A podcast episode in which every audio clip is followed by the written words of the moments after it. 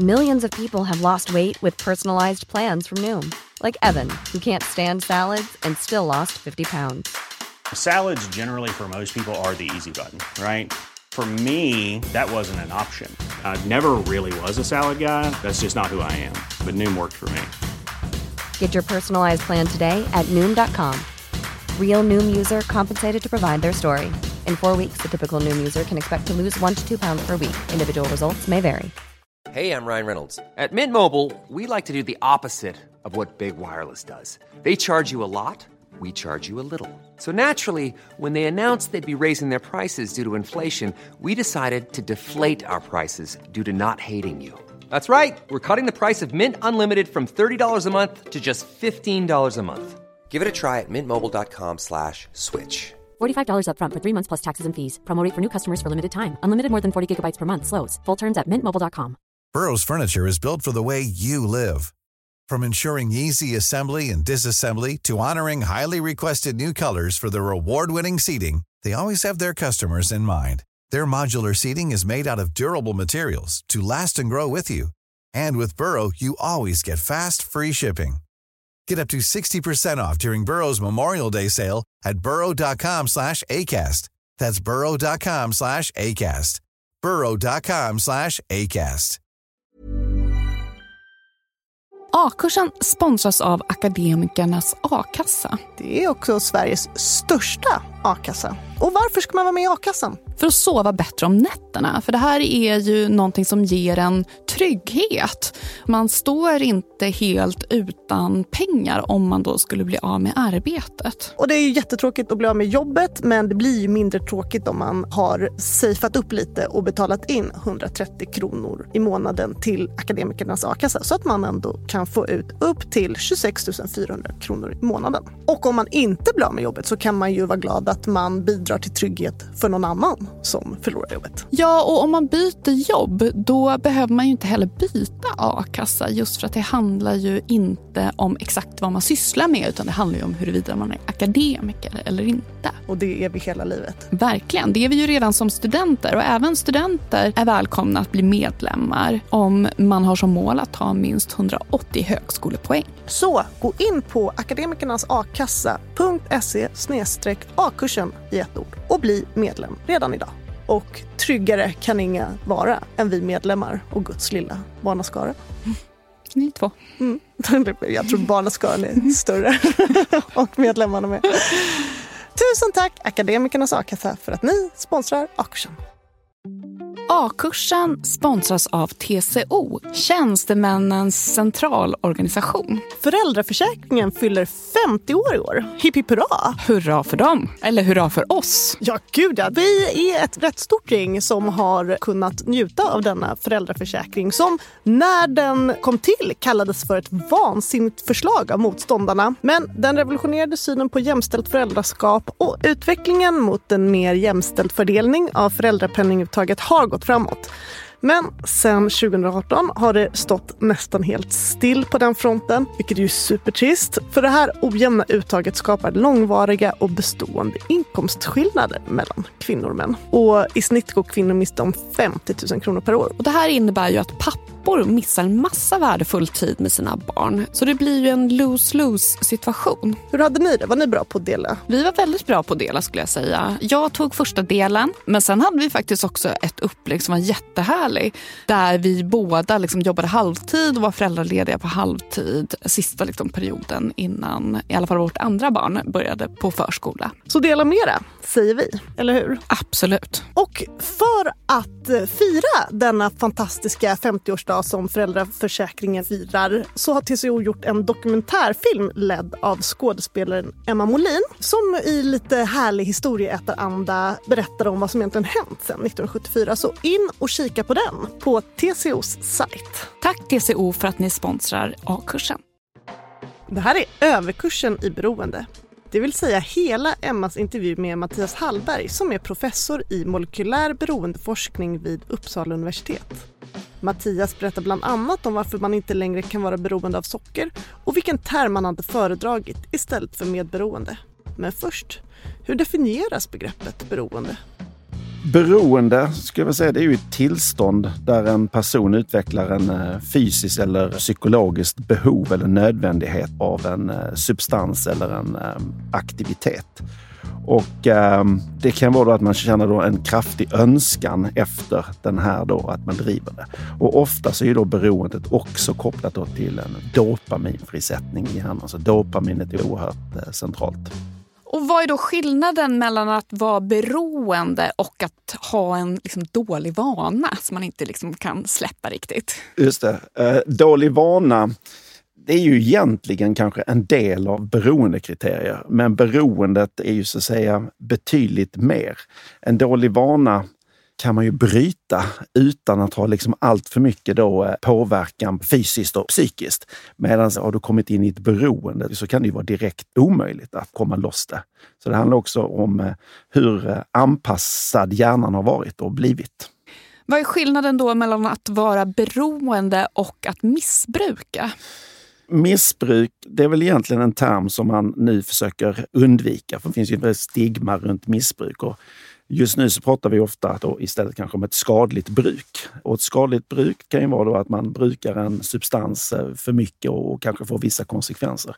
Men det behöver ju inte betyda att man är beroende. Men ofta så när man väl har fått en beroendediagnos, ja men då kan man så säga ha ett skadligt bruk. Men det skadliga bruket kommer ofta först och sen kan det då landa i ett eh, beroende, så helt enkelt beroendesjukdom sen längre fram.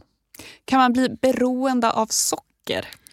Det är ju egentligen en väldigt omdebatterad fråga det här med socker och sockerberoende. Och, eh, man kan väl säga att det kan vara vanebildande. Det finns studier, studierna är liksom inte helt eh, entydiga, att det här kan ha en påverkan på endorfiner. Endorfiner i sig kan ju, liksom, säga, frisättningen kan ju generera dopamin. Men studierna där är lite tveksamt. Kan väl säga att i ett exempel i eh, senaste upplagan om beroendemedicinboken så har just det här sockerberoende utgått, det kapitlet där. Ja, det fanns det, tidigare. Det fanns eh, tidigare då, men sen så har det varit lite för diffust eh, då, så att då har det valts att man då plockat bort det. Och jag skulle vilja säga kanske snarare vanebildande. Men alla som eh, kanske testat att eh, slå om från eh, någon slags eh, LCHF-diet och, och ta bort sina kolhydrater kan ju märka hur man eh, över tid påverkas och det förändras över tid. Men något direkt eh, beroende i klassisk manér, eh, svårt att säga. Liksom. Eh, det är lite omdiskuterat. När det gäller mobiltelefoner, då, kan man bli beroende av sin mobil? Det är också de här beteendeberoendena. Frågan är liksom om det är en vana eller om du verkligen får en dopaminfrisättning av att sitta med mobilen. Och det i sig är det nog inte, men sen är det väl kanske det man gör där. Och det här med eh, de belönande effekterna som man ibland pratar om kan trigga belöningssystemet. Det där med att man får en like eller att man får uppskattning eller att man startar någon slags ny diskussion. Och de sakerna kan ju sig kanske ge en viss säga, stimuli, dopaminfrisättning. Men mobilen i sig kanske svårt att säga liksom då, att man är beroende. Man kan ju använda onödigt mycket tid. Vi brukar ibland diskutera om man tittar på sådana här eh, beroendekriterier och så byter du ut ordet drog mot mobiltelefon och så tittar du då på använder du den här för mycket? Har du svårt att sluta? Använder du eh, mobilen trots vetskapen om att det kommer få konsekvenser för skola, ja men då kanske liksom, men ändå inte skulle jag vilja säga att det faller jämförbart med andra beroende. Men visst kan man bli beroende av spel? Precis, ja. Och om vi bara definierar som spel som dataspel. Då finns ju några amerikanska kriterier i det vi kallar för ICD-10-kriterierna då som sjukvården använder. Och de håller på att bli översatta nu till svenska. Och till viss del då med det här sättet där man tittar på hur man använder och trots olika konsekvenser. Men sen har man ju spel om pengar och där är det ju ännu mer tydligt liksom att du kan ha ett beroende då, att det eh, kickar igång dopaminsystemet. Vilka droger skulle du säga är mest beroendeframkallande? Kan man säga det? Ja, alltså Kokain är väl det som ofta nämns som den drogen som är mest beroendeframkallande. Mer än heroin alltså? Ja, alltså det som triggar igång mer då. Men sen skulle man väl kunna säga att heroin är ju svårare att sluta med. Just för att heroinet och opioiderna, då generellt även morfin och andra, att de har ju en eh, fysisk abstinens där man mår fysiskt dåligt. Och eh, då skulle jag säga att det är nästan ännu svårare då att sluta med dem. Men om man ser till beroende, att skapa beroende och att eh, komma in i ett beroende. Då pratar man väl ofta att kokain ska vara det mest beroendeframkallande. Men det är svårt att titta på de här. Amfetamin är ju egentligen den drogen som frisätter mest dopamin i belöningssystemet. Och då kan man ju tänka sig det som frisätter absolut mest dopamin i hjärnan kanske är den som är mest beroendeframkallande. Men det är så många olika parametrar eh, som är med där. Och vad det gäller eh, droger generellt så är man saker och ting som slår till väldigt snabbt och sen också går ut snabbt. Och där är ju kokain slår till snabbt och den också går ur. Effekten är kortare än, än amfetamin och då är det mer beroendeframkallande. Men sen har vi en sån här vardaglig drog som nikotin som också är jätteberoendeframkallande och som för vissa kan vara svår att sluta med. Och om man då jämför så får man ju väga in parametrar som eh, tillgänglighet och ofta man ser eh, det, drogen och då har man ju med nikotin är ju en väldig tillgänglighet och det är socialt accepterat och så vidare. Och kan väl gå rätt så snabbt i hjärnan också. Kan, hur man administrera den här drogen påverka hur pass beroendeframkallande den är? Absolut, ja. Ju snabbare du får in det, ju mer beroendeframkallande är det. Så snorta och injicera ja, går snabbare än exakt, om man tar en tablett? Och, exakt, och det är väl egentligen det som hela tiden eftersträvas också. Vi har ju ibland vi har ju såna här eh, behandlingar av eh, de som har fastnat i ett heroinberoende, att de kan gå på substitutionsbehandling.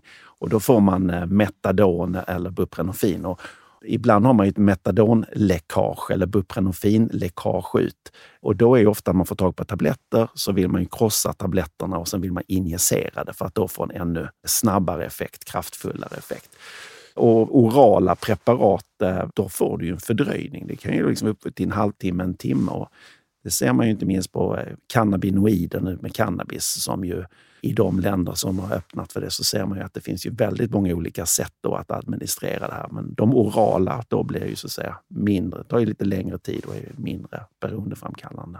Finns det narkotika som inte är beroendeframkallande? Ja, det är väl egentligen om man pratar om hallucinogenerna som med, med LSD. Det är väl en sån här typisk drog som man pratar om som inte är beroendeframkallande. Och rent historiskt sett så har man väl sagt att ja, men hallucinogenerna de är inte beroendeframkallande. Men nu har landskapet lite förändrats för nu har man ju andra droger som också till viss del med cannabis, syntetiska cannabinoider, spice-analoger som också till viss del kan vara lite hallucinogena. Och då har ju de en beroendepotential. Men generellt är hallucinerande med LSD, det säger man väl att då är inte det beroendeframkallande. Ecstasy då? Ecstasy ehm, har väl egentligen inte det här återkommande användandet. Ecstasy är ju en drog som frisätter huvudsakligen serotonin mer än dopamin. Det frisätter också dopamin, men mest serotonin. Och eh, det tömmer ju ut serotonindepåerna i samband med då användningen och eh, då eh, tar det ungefär 3 till 6 dagar innan hjärnan har repat sig och egentligen att man är redo för en ny så att säga, ecstasy-omgång. Så att det vanliga med ecstasy-användning är att man använder det kanske på helgerna eller varannan helg. Så att det är inte en sån här återkommande drog som du använder hela tiden utan är mer förknippat med fest. Och sen är det ju ofta en drog som man eh, kompletterar med många andra. Tittar man på de som använder ecstasy frekvent så använder de också 95 procent av dem alkohol och amfetamin och flera andra droger också. Men eh, Ja. Det finns en professor som heter David Nutt. Ja. Känner du till honom? Ja, ja. Han har ju sagt att det är farligare att rida häst än att ta ecstasy. Ja, ja det kan jag inte kommentera. Jag vet inte statistiken för hästar då. Men vad man har sett med ecstasy det är ju en drog som är en lite sån här emotionell kärleksdrog, älska allt och alla i lägre doser. Då.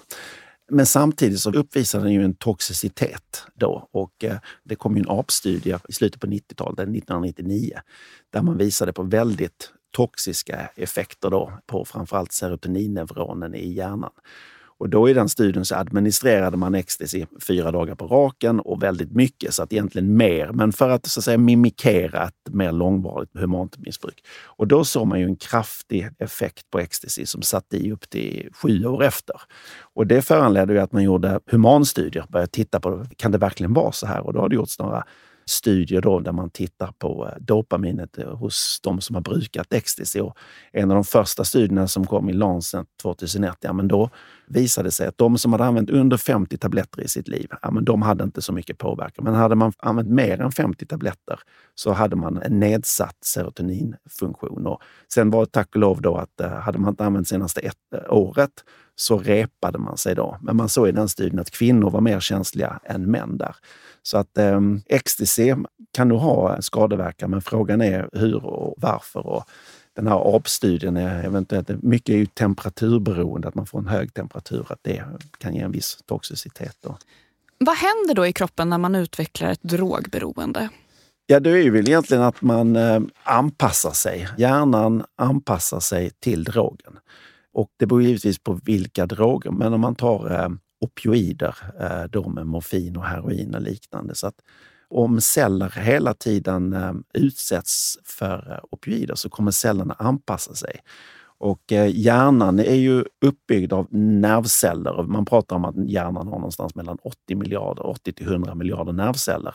Och varje nervcell kommunicerar upp med 10 000 celler åt alla håll och kanter. Då. Och eh, den här eh, kommunikationen sköts då med de här receptorerna eller mottagarenheterna.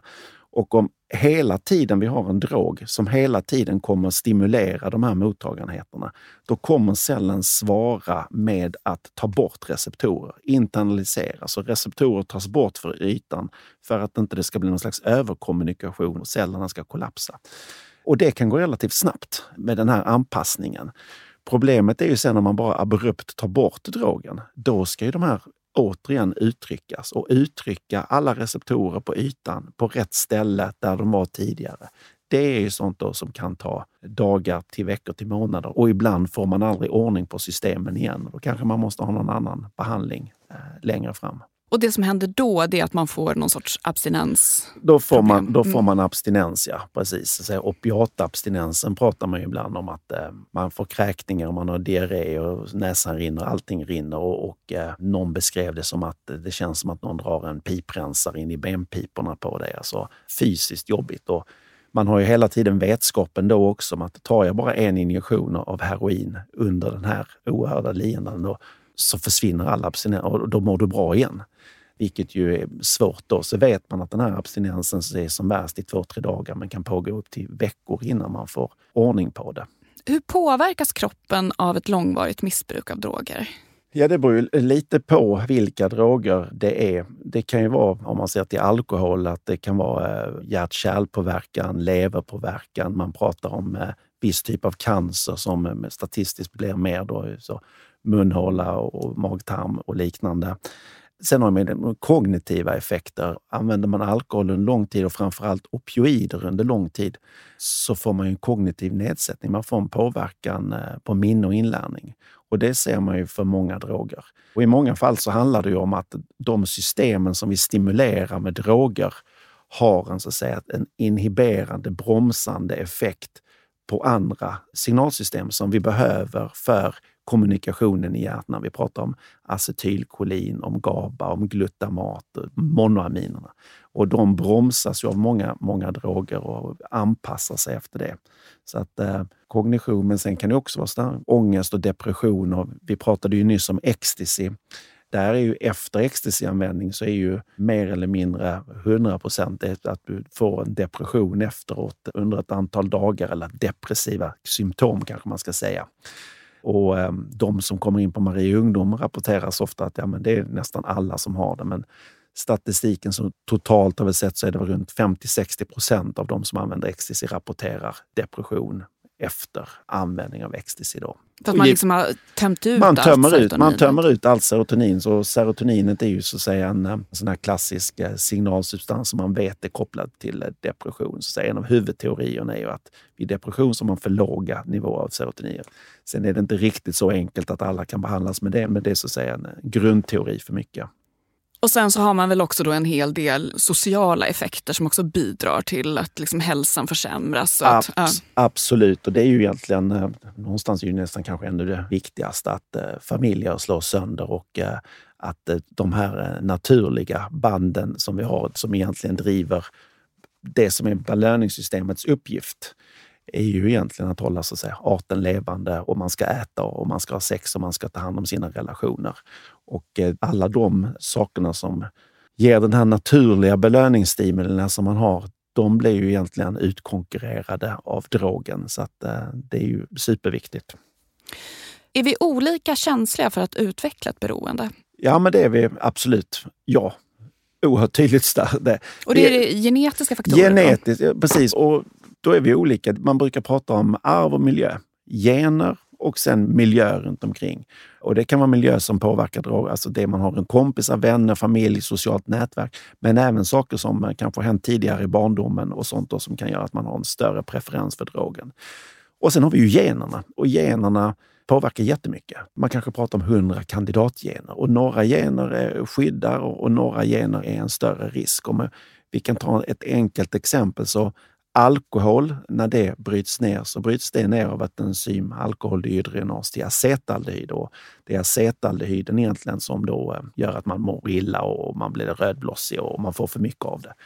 Och eh, acetaldehyd i sin tur sen kommer brytas vidare ner till ättiksyra via ett enzym som heter acetaldehydrogenas. Det är hela tanken att alkohol till acetaldehyd till ättiksyra och så går det här ut ur kroppen. Och eh, då är det vissa individer, och framförallt en jättestor del av asiaterna, som saknar ett fungerande acetaldehydrogenas, som är det andra enzymet. Och det gör att de personerna som dricker, de kommer dricka och då kommer alkoholen eller etanolen ombildas till acetaldehyd. Men sen ombildas inte den vidare, utan det blir mer och mer i kroppen och då mår man ju illa. Så att de då som saknar det kanske dricker en öl eller ett glas vin och börjar nästan direkt bli illamående. Och det är ju det vi också utnyttjar med läkemedlet Antabus, där man har eh, insett det här och ger då Antabus till de som så att säga, ska försöka hålla sig nyktra. Att om de hamnar i en situation där de dricker, då kommer de må illa direkt och det ska göra då att de inte fortsätter dricka. För Det där känns ju nästan lite paradoxalt med alkohol, att de som har liksom störst risk, det är de som klarar alkohol bäst nästan. Ja, precis. Det är ju så att säga en skyddsgen att inte ha ett fungerande enzymsystem i detta fallet. Då. Sen finns det ju andra, vi har pratat om de här endorfinreceptorerna med opioiderna, eller endorfinerna, och där finns ju de här endorfinreceptorerna där det finns genetisk variation så att vissa människor binder morfin mycket hårdare eller bättre och får mer dopaminfrisättning än andra. Och det kan göra liksom att de blir mer i risk för att då fastna i ett beroende. Och sen är det alla sådana här enzymer som bryter ner droger. Vissa bryter ner saker och ting väldigt snabbt. Andra är långsamma metaboliserare och det påverkar också då risken för eh, beroende. Men det finns liksom inte en gen som är beroendegenen utan det kan vara ehm, hundra olika och man kanske har tre, fyra som påverkar. Sen kan det vara att man, om vi nu klassar de här i gener som är negativa eller positiva, så även om du har världens bästa gener, om man nu kan säga det, så kan du ändå fastna i ett beroende beroende på andra faktorer. Eller om du har tvärtom. Utan det är ett, man brukar prata om tre ben med det här och det är ju generna och det är miljön och sen är det ju drogexpositionen. Så att dricker du alkohol varje dag, ja men då kommer ju kroppen anpassa sig. Eller tar du morfin varje dag, så oberoende hur bra gener du har eller hur bra miljö du har, så använder du varje dag så rent farmakologiskt, hjärnan kommer anpassa sig och du kommer fastna i ett beroende. Sen kan det olika svårt att sluta sen längre fram. Jag tänker mig att de här faktorerna som du pekar på också, mm. de måste väl interagera ganska mycket med varandra också. Till exempel om man har då släktingar, föräldrar, syskon som missbrukar, då kanske man har en ökad tillgänglighet och då kanske oh ja. man också då har haft trauman i barndomen om man har föräldrar som missbrukar droger eller alkohol. Precis, ja. det hänger ju absolut ihop med hela så säga, sociala nätverket och det är väl också en sån sak som man kan ha med sig att man kanske funderar på ja, men vad har jag för gener? Och det finns ju inte riktigt något eh, lätt sätt att ta reda på det idag, även om det kommer mer och mer sådana här möjligheter till analys. Då. Men generellt, de flesta vet inte det. Men då kan man ju titta på just, vet man att man har släktingar som kanske haft ett alkoholberoende, ja, men då kanske man kan misstänka att det finns en risk att jag också har det. Då. Så att um, var lite vaksam där. Då. Hur beroendeframkallande är då alkohol? För alkohol är ju en sån där drog som många av oss är exponerade för, men bara vissa hamnar i liksom ett beroende. Ja, svårt att säga, men den är ju eh, beroendeframkallande och den är ju så att säga lätt att anpassa sig. Men det förutsätter ju egentligen att man eh, har, i vanliga fall, då, det här är ju individuellt såklart, men, men att man har ett upprepat drickande och så att säga ett återkommande drickande. Och eh, dricker man då bara alkohol eh, då och då så kanske man inte landar i ett beroende. Men sen är det ju vissa då som har en, eh, en större risk och en, eh, så att säga, när man dricker alkohol så mår man extra bra. Det kan vara underliggande saker varför man dricker alkohol. Dricker man alkohol innan man ska gå och lägga sig för man alltid har lite svårt att sova. Har man någon underliggande ångest eller någonting så kanske man dricker för att lindra det här. Då. Sen vet man ju med ungdomar, om man ser till hur beroendeframkallande det är, man vet ju att om man börjar dricka innan 15 års ålder, då har man ju fem till sex gånger högre risk att sen senare i livet landa i beroende. Det är egentligen samma med cannabis också, men, med alkohol är det väldigt, väldigt tydligt att börjar man dricka tidigt och framförallt innan 15 så är det fem, sex gånger högre risk än om du börjar dricka när du är 18. Och det tror man är liksom kausalt? Ja, precis. Så att, eh, där har man väl egentligen, eh, och det är väl hjärnan som är under utveckling. Och ju längre man kan skjuta upp det här så kan det ju vara ett värde med det. då. Vad händer då i kroppen när man utvecklar ett alkoholberoende? Är det samma saker som när man liksom blir beroende av andra droger? Ja, det kan man väl säga det. Bara det att alkohol väl egentligen är den drog som är mest komplex. Ja, det var det jag fick lära mig under utbildningen. Att med alkohol så är det mycket mer oklart vad som egentligen händer i kroppen. Nej, den, den slår väl egentligen på alla system. Om vi bara börjar med opioiderna, ja men då vet man att de hämmar egentligen dopaminflödet via att de påverkar en annan transmitter, GABA. Och så ser man centralstimulerande. Ja, men huvudsakligen så kommer de här påverka dopaminet och till viss del även andra monoaminer som noradrenalin och serotonin. Men, men för den beroende delen så är det liksom dopamin. Men alkohol påverkar ju endorfinerna, påverkar ju dopamin, påverkar ju glutamat, påverkar GABA, påverkar glycin. Så att det är ju liksom en jättemix här då. Så det är väl egentligen den mest eh, komplexa då. Säkerligen den berusningsmedel som vi också har eh, studerat mest, men komplext. Hur påverkas då kroppen av ett långvarigt missbruk av alkohol? Ja, då är det ju eh, lite som andra droger. Dels har man ju hjärnan och man kan ha en kognitiv påverkan. Men sen är det ju, är ju saker som eh, hjärta-kärl-effekter. Man kan få högt blodtryck, eh, infarkter, eh, stroke. Det kan vara leverpåverkan, eh, cancer, vissa typer av cancer som jag var inne på tidigare. Så att det är egentligen en, en, en rad olika så att säga, medicinska effekter som man då kan få av ett alltför eh, brett användande. Och idag vet man väl också att, eh, så att säga, all alkoholkonsumtion har väl egentligen skadliga effekter. Man har ju pratat om tidigare, ja, men ett glas vin om dagen, det är bra, det, det har visat sig. Men det har väl egentligen visat sig nu senare tid att eh, allt drickande, det finns någon slags korrelation med att det ger negativa effekter. Sen får man ju givetvis ta det, dricker man oerhört måttligt så kanske sannolikheten är låg att man kanske landar i vissa saker, men på en populationsnivå. Så. Får man abstinens när man slutar dricka alkohol? Om man har ett beroende, så absolut, så kan du få det. Absolut, ja. Och det är samma liksom, effekter? Det kan vara oro, irritabilitet och så vidare och, som kan skilja sig från individ till individ. Och beroende på hur mycket man har eh, druckit då också, eller hur beroende man har varit. When you're ready to pop the question, the last thing you want to do is second guess the ring. At BlueNile.com you can design a one-of-a-kind ring with the ease and convenience of shopping online. Choose your diamond and setting. When you find the one, you'll get it delivered right to your door. Go to Bluenile.com and use promo code LISTEN to get $50 off your purchase of $500 or more. That's code LISTEN at Bluenile.com for $50 off your purchase.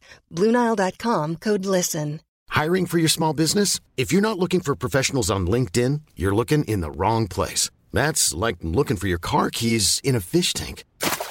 LinkedIn helps you hire professionals you can't find anywhere else, even those who aren't actively searching for a new job but might be open to the perfect role. In a given month, over 70% of LinkedIn users don't even visit other leading job sites. So start looking in the right place. With LinkedIn, you can hire professionals like a professional. Post your free job on linkedin.com slash people today. Everyone knows therapy is great for solving problems, but getting therapy has its own problems too, like finding the right therapist, fitting into their schedule, and of course, the cost. Well, BetterHelp can solve those problems. It's totally online and built around your schedule. It's surprisingly affordable too. Connect with a credentialed therapist by phone, video, or online chat, all from the comfort of your home. Visit betterhelp.com to learn more and save 10% on your first month. That's BetterHelp, H E L P. Dricker unga mindre alkohol idag än vad man har gjort tidigare? Eh, ja, det gör de. Det visar ju de här eh, rapporterna som eh, Centralförbundet för alkohol och narkotikaupplysning gör. CAN, som gör ju återkommande undersökningar hos niondeklassare, hos de som går i andra år på gymnasiet. Och där är det väldigt tydligt att alkoholkonsumtionen har gått ner. Och generellt överlag så i samhället så har väl också konsumtionen gått ner något då. Undantaget är väl de som är över 65 som fortfarande dricker då lite mer. Men generellt ungdomar idag dricker mindre. Tar de mer droger istället? Inte egentligen. Alltså tittar man på eh, niondeklassare och andra årskullen då så det är ingen jättestor skillnad om man tittar på eh, cannabiserfarenheten. Så kanske något ökat, men, men i princip är det rätt så stabilt. Men sen när man ser till samhället som sådant så har vi väl en något ökad trend. Men, men svårt att säga. Tittar man på beslagen från tull och polis så är ju cannabis har ju stigit jättemycket. Alltså verkligen gått i taket då, att det har blivit mer och mer beslag. Men ser man på trender och det som de som använder så verkar det inte vara så mycket ändå. Inga jättestora skillnader. Och vissa andra droger har stannat upp lite. Ja, men amfetamin, det är inte så mycket. Och det kan ju vara att tullen och polisen är mer effektiva på att eh, ta saker och ting. Men det kan också vara att eh, mycket kommer in i Sverige och att Sverige är ett transitland. Och man har ju sett det tidigare, att vi har varit ett transitland för att sen få in så droger till Finland och Norge. Och, och det är möjligt att det har, har ökat. Men eh, jag har på senare tid lyssnat på flera poliser och tullar just då om eh, vad det här kan bero på. Det kan också vara ett mörkertal, att det är fler som eh, brukar än vad som kommer fram i olika eh, undersökningar. För det är självrapporterat? Det är, självrapp, det är ju Man kan också kolla avloppsvatten. Avloppsvatten, precis ja. Och, och, det görs ju sådana studier och det har väl blivit mer och mer. Och där har man väl sett lite i såna avloppsstudier att droger sprider sig. Droger som tidigare har varit ett storstadsfenomen 70-80-talet så var kanske heroin var ju en drog som fanns i storstad, Göteborg, Malmö, Stockholm. Och kokain har ju under lång tid varit lite mer än kanske en storstadsdrog. Men det var ju någon undersökning från tror vi, Gävle, man tittade på avloppsvattnet och så såg man för eh, tio år sedan så var det egentligen kokainet dök upp i samband med julhelgen och man tolkade det som att det var hemvändarna som kom hem från storstan. Men nu så ser man ju kokainet året om och då får ju mer spridning. Och med tillgängligheten eh, nu med eh, den möjligheten som vi har där så tror jag att det blir lättare att sprida det runt om i landet på ett helt annat sätt. Och det är lättare att få tag i droger idag? Ja, jag skulle vilja säga det med, på det sättet vi är uppkopplade. Sen eh, går väl snabbare, verkar det ju som då. Sen kan jag väl själv säga att jag har svårt att veta vad jag skulle få tag på droger. Men generellt eh, verkar det vara mycket, mycket lättare att få tag på droger då med rätt kontakter. Och med de kontona som man pratar om eh, med sociala plattformar där man kan få leveranser av alkohol och lustgas och, och det ena med det andra inom bara några timmar. Knarkfodora. Ja, mer eller mindre. Knarkfodora, det är väl ett alldeles utmärkt term. Ja. Är narkotikadödligheten hög i Sverige? Den har ju varit det i media. Alltså om man ser på de här rapporterna så har det ju kommit några större rapporter som har jämfört eh, olika länder där man har eh, tittat på narkotikadödlighet per eh, en miljon invånare. Och då har ju Sverige stuckit ut lite grann. Jag tror vi har legat någonstans runt 80 till 90 dödsfall på en miljon invånare. Och det är ju såklart högt och har varit lite högre än andra länder. Men det är fortfarande mycket, mycket lägre än eh, i USA där jag tror vi har 360 per miljon eller eh, vissa provinser i Kanada som är upp mot 400-500. Men det är ju svårt att säga om vi har en högre dödlighet. Jag, jag är lite osäker därför att det är ett rapporteringssystem och man rapporterar olika och man är olika noga med rapporteringen. Så det kan vara att man liksom underrapporterar Jag, jag, jag skulle säga att, att man har en underrapportering och att Sverige kanske har varit relativt duktiga på att rapportera. Så att eh, min bild av det hela är att jag tror inte vi sticker ut så mycket som man kanske har eh, sett i de här och som man har diskuterat i de här EU-rapporterna. Utan det är nog snarare att vi har varit mer noga med rapportering om vad som är då narkotikadödlighet. Sen har vi haft några toppar. Opioiderna är ju det som ger, heroin är väl egentligen den drogen som ger mest eh, narkotikarelaterad dödlighet. Men vi hade ju faktiskt i Sverige då en eh, fentanylboom med fentanylanaloger som ju såldes framförallt eh, då via sådana här eh, nätförsäljare, då, två bröder som eh, under 2014 till 2017 sålde fentanylanaloger som egentligen då vid tillfället inte var narkotikaklassade. Och hela tiden när de klassade de här fentanylanalogerna så började de sälja någon ny. Och då var det 400 personer under den här perioden som dog då av fentanyl och fentanylanaloger. Och när man väl hade fällt de här två bröderna då sjönk ju den här dödligheten och eh, någonstans har det väl planat ut i den här dödligheten. Men vi har väl haft en ökad dödlighet, men har planat ut då efter den här fentanylrelaterade dödligheten. Tänk att ha orsakat 400 människors död. Ja, precis. Nu tror jag de blev dömda för man lyckades visa att åtta stycken var, tror jag, var direkt kopplade till det de hade sålt i det här. Då. Men, eh, och det var väl inte de som hade orsakat alla, men jag tror att i princip oerhört många som de sålde systematiskt och de visste ju precis vad de sålde egentligen. Det var väl det som man lyckades visa i alla instanser. Ja. Mm. Tycker du att Sverige har en rimlig narkotikapolitik? Nu kommer vi till de här frågorna som, som forskare hatar. Ja, jag tycker vi har en rimlig narkotikapolitik i grunden. Jag skulle, om jag hade fått bestämma själv. Eh, när man kanske utökar vården såklart. Vården måste bli bättre och eh, mer kanske skadereducerande insatser. Men generellt, att vi har en restriktiv politik, det tycker jag är utmärkt och det tycker jag vi ska ha. Sen så diskuterar man ju det här med legalisera, avkriminalisera och avkriminalisering handlar ju egentligen om eh, att det inte ska vara straffbart att vara beroende eller att inte använda det och vara påverkad. Och där kan jag väl tycka med avkriminalisering att om man är beroende, då tycker jag att man inte ska ha fängelse utan man bör ha vård. Men en person som använder drog för första gången, som inte har en beroendeproblematik, där tycker jag det absolut ska vara straffbart. Då. Så att avkriminaliseringen då ehm, är ju en ehm, där jag kan se viss möjlighet till avkriminalisering, men i så fall för dem med en beroendeproblematik. Och då är det ju oerhört svårt.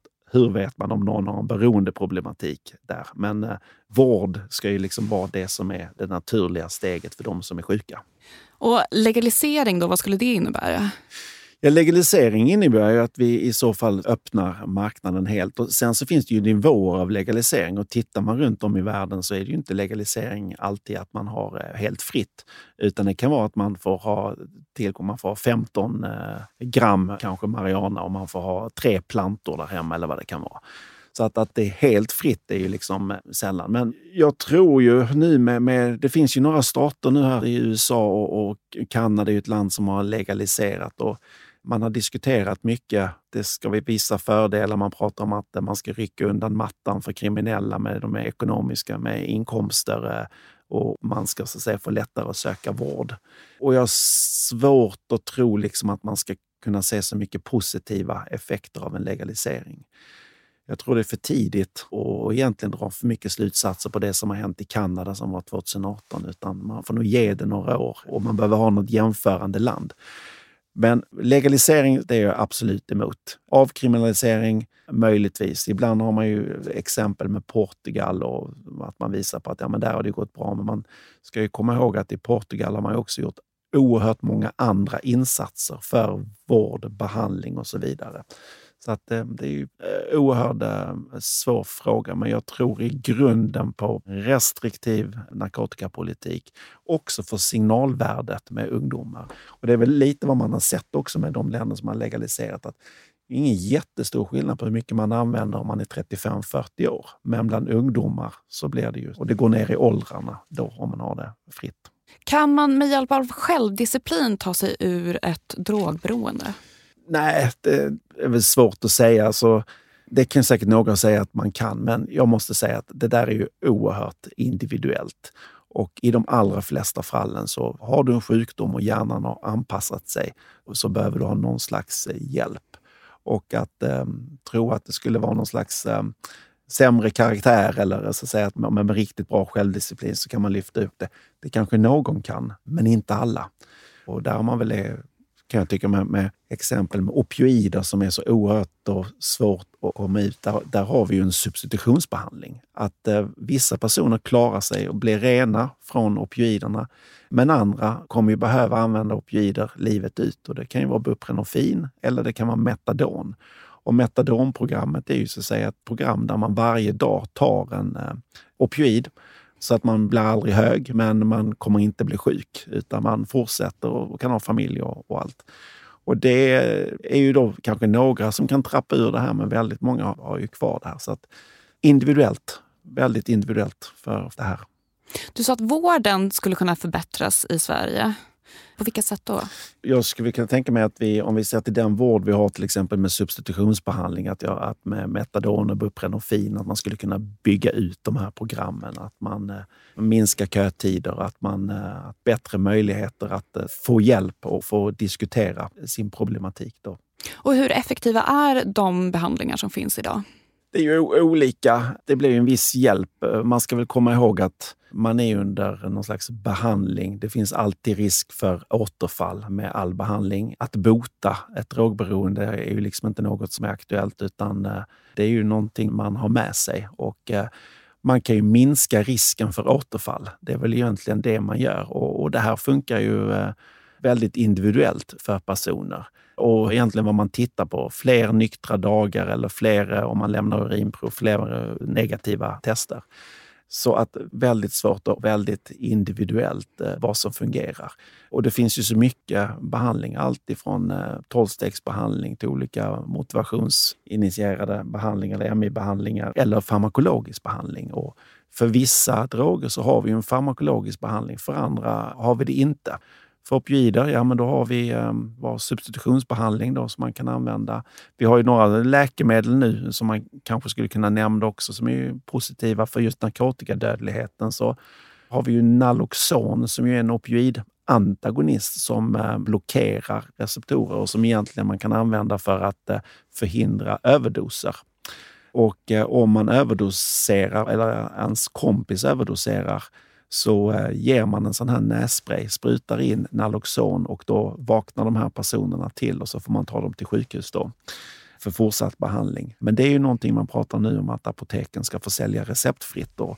Och det tror jag skulle vara oerhört bra att eh, komma ut och ytterligare liksom ett skadereducerande preparat. Då. Finns det några nya farmakologiska behandlingar som kan komma ut på marknaden inom kort?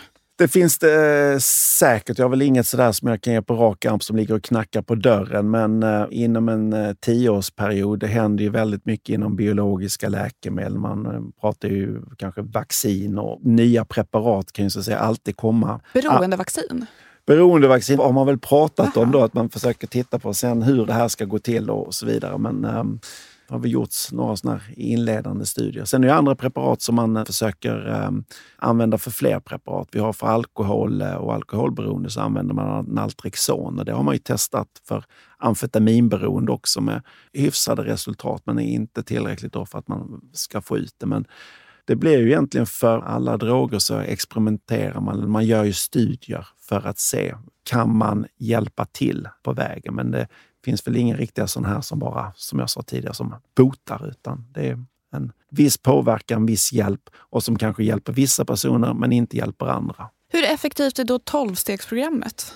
Tolvstegsprogrammet, det är ju inte riktigt min eh, specialitet, men för de som använder det, för de som det passar för de individerna, så kan det ju ge då mer nykterhet. Och ibland tror jag sett en siffra runt ja, men plus minus 40 procent klarar sig bra där och håller sig nykter i ett år. Sen eh, så kanske det är inte överlägset något annat utan de ligger väl rätt så nära varandra om man skulle titta på andra, vad det nu kan vara, kognitiv eh, beteendeterapi eller någon motivationshöjande behandling. Det kan ju ingå också i de här tolvstegsprogrammet men då eh, är det väl egentligen ingenting som sticker ut som det absolut bästa. Men min bild är väl ofta att um, det man har testat själv och det som har fungerat är någonting som man gärna försöker få ut som den enda och den bästa lösningen. Men för vissa individer tror jag tolvstegsprogrammet är fantastiskt. För andra individer kanske helt andra metoder passar bättre eller farmakologisk hjälp om man kan få det. Vad tänker du om begreppet medberoende? Ja, Det har ju blivit väldigt populärt på Ja, sistone. precis. Jo, nej, men medberoende är en term som eh, diskuteras och som också väl varit lite eh, i vissa avseenden kontroversiell. Man har diskuterat, eh, finns det ett medberoende eller inte? Och termen som medberoende kanske signalerar att man är med och använder droger samtidigt och man dras med. Men Fast jag tänker att termen snarare handlar om att man på något sätt underlättar för en Under, anhörig. exakt, ja. Och det är det jag vill komma till egentligen. Ja. Så att jag skulle vilja säga att det är snarare någon slags anpassningssyndrom. Att man anpassar sig till den andra personen och försöker hjälpa till, försöka underlätta. Och det gör väl liksom att det kan vara oerhört utmattande att ha det här levande. Då. Men det är väl många som känner sig som medberoende eller som pratar om sig som medberoende. Men jag skulle kanske själv prata om det som någon slags eh, anpassningssyndrom mer än kanske då termen medberoende. Vad kan man då göra för att stötta en anhörig som har en då beroendeproblematik? Det är ju egentligen inte mitt fält, men i grund och botten så handlar det om att, att förstå sjukdomen. Läsa på är ju liksom eh, en av de första grejerna. Sätta sig in i vad det här innebär. Prata om det givetvis och sen inte vara dömande i de här diskussionerna. Låta det ta tid, se till individen och sen kanske viktigast av allt, våga be om hjälp och söka sig mot eh, vård. Det låter ganska långt ifrån såna här liksom interventions som man ser liksom i amerikanska tv-serier. ja, ja, det kanske det är. Liksom. Men, men, ja, ja, nej, jag, jag, har svårt att säga. Vad har du för tips till en person som vill sluta röka? då är det väl bygga upp någon slags eh, att man är motiverad. Se på vilka möjligheter som kan vara bra för dig. Titta på eh, sådana här ersättningspreparat. Det kan vara eh, tuggummi, det kan vara eh, plåster, det kan vara andra nikotinpreparat. Försöka trappa ner är ju en sak.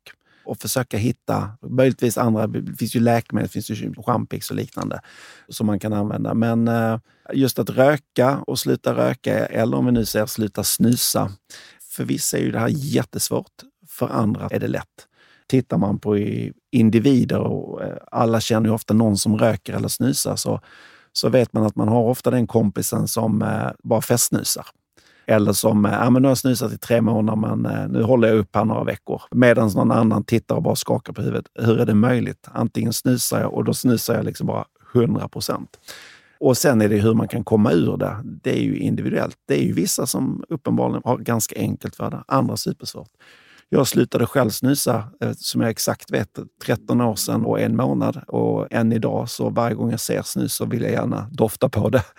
Och för min del så eh, testade jag, jag försökte trappa ner och jag försökte med nikotinfritt snus. Jag gick runt med, låter konstigt, men hushållspapper under läppen och man började äta lite smågodis. Och man försökte hitta saker runt omkring. Men som jag minns tillbaka så tror jag att jag hade tre månaders tid då jag mer eller mindre var paralyserad av det här. Jag var oerhört rastlös, hade oerhört svårt att fokusera. Men det är ju väldigt, väldigt olika. Sen finns det andra runt omkring en som bara slutar pang bom.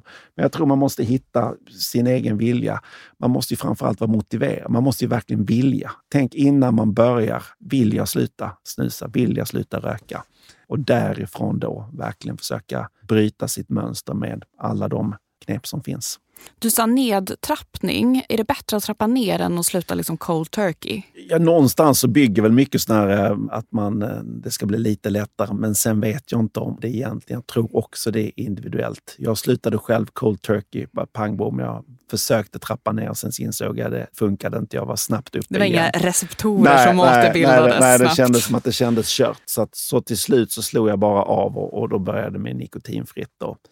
Men annars så finns det ju en möjlighet med tuggummi och liknande att man försöker ta mindre och mindre och halvera doserna. Och vad det gäller snus, nu är det få som håller på med lössnus, eller det blir mer och mer vanligt med, med påsnus. Men, men även där titta på nikotinkoncentrationen och försöka kanske gå ner då. Men, ehm, ja. Har du några tips till en person som vill sluta med alkohol eller droger? Det är väl eh, återigen eh, samma sak där med eh, motivet. Läsa på, försöka gå igenom eh, och veta så mycket som möjligt om processen. För i många fall när man slutar med en drog eller slutar med alkohol så finns det rätt så många som har gått igenom samma sak. Och även om jag pratar mycket om individer och det är olika för alla så kan det finnas rätt så många generella språng där man kanske kan få hjälp och redan från början kunna förutse hur, hur det kommer kännas i kroppen. Och det kanske då kan underlätta. Men sen eh, försöka ta den hjälp man kan och också involvera dem runt omkring en och söka hjälp. Som jag tycker med eh, är man i ett beroende och har en beroendesjukdom så söka sig till vården också. Finns det någon kunskap från beroendeforskningen som man kan använda sig av när man försöker sluta med en dålig vana? Ja, men det tror jag väl eh, egentligen att de som håller på i vården med de här eh, spelberoende eller dataspelsberoende så kan man säkerligen få tips och eh, att man kan få det här generella som så många upplever samma sak. Att sådana saker kanske kan stötta. Jag tänker till exempel så att undvika triggers eller undvika vissa typer av miljöer. Ja, precis. Och triggers och miljöer, och det är ju någonting som vi inte nu pratat om så mycket, men det är mycket av det här drogsuget som kan trigga. Det triggas ju ofta av, av saker och ting som påminner om någonting. Man kan vara, ha varit ren från alkohol en längre tid och sen så räcker det med att man ser eh, den gamla puben eller Systembolagets eh, skylt. Eller att eh, man har, eh, som det har gjorts studier på, eh, med personer som har varit rena från kokain en längre tid, att man visar dem en bild på någonting som associeras med kokainet, en rullad sedel eller någonting. Och det gör ju liksom att de här personerna får en hjärtklappning och börjar svettas och, och blir stressade och får ett oerhört drogsug då, om man har använt drogen tidigare. Och eh, det är ju givetvis samma med spel och, och så vidare. Att, eh, om man lyckas få hjärnan att fokusera på andra saker så kan det ju underlätta då att falla tillbaka. Men ser man sin gamla gamingstol och vet att alla kompisar, när det är något event, ja, men då kanske det är lite svårare då att eh, hålla sig borta från det. Då. Men sen så kan man väl säga då med, med, med om man ser dataspel som så, så väldigt många funderar på och jag tror framförallt föräldrar och alla runt omkring, ja, kanske flickvänner och pojkvänner som är bekymrade. Men min pojkvän eller flickvän sitter ju bara vid datorn och måste ju vara beroende. Men det behöver ju inte vara ett beroende. Det kan ju också vara bara att man spelar mycket. Så Såvida det inte får så att säga, negativa konsekvenser på annat så kan det ju vara att eh, man sitter tre, fyra timmar och det egentligen är det sociala aktiviteten man har. Det är ju där man möts. Och det tror jag kan vara en generationsfråga ibland att förstå. Jag sitter själv med en 12-åring och en 15-åring där hemma. Och det har väl tagit ett tag för mig att vänja mig vid att eh, det är här de sitter och pratar och umgås. Och sen så har jag varit frustrerad, men du träffar ju inte dem. Men det är ett annat sätt. Tack Mattias Hallberg för att du vill gästa vår podd och tack för att just du har lyssnat. Nästa vecka kommer jag, Clara Wallin och Emma Frans fördjupa oss i ADHD. Varför diagnostiseras allt fler med ADHD och är det verkligen en superkraft? Prenumerera gärna på A-kursen i din poddapp så får du en notifikation när avsnitten kommer ut. Och det här avsnittet har spelats in på Beppo.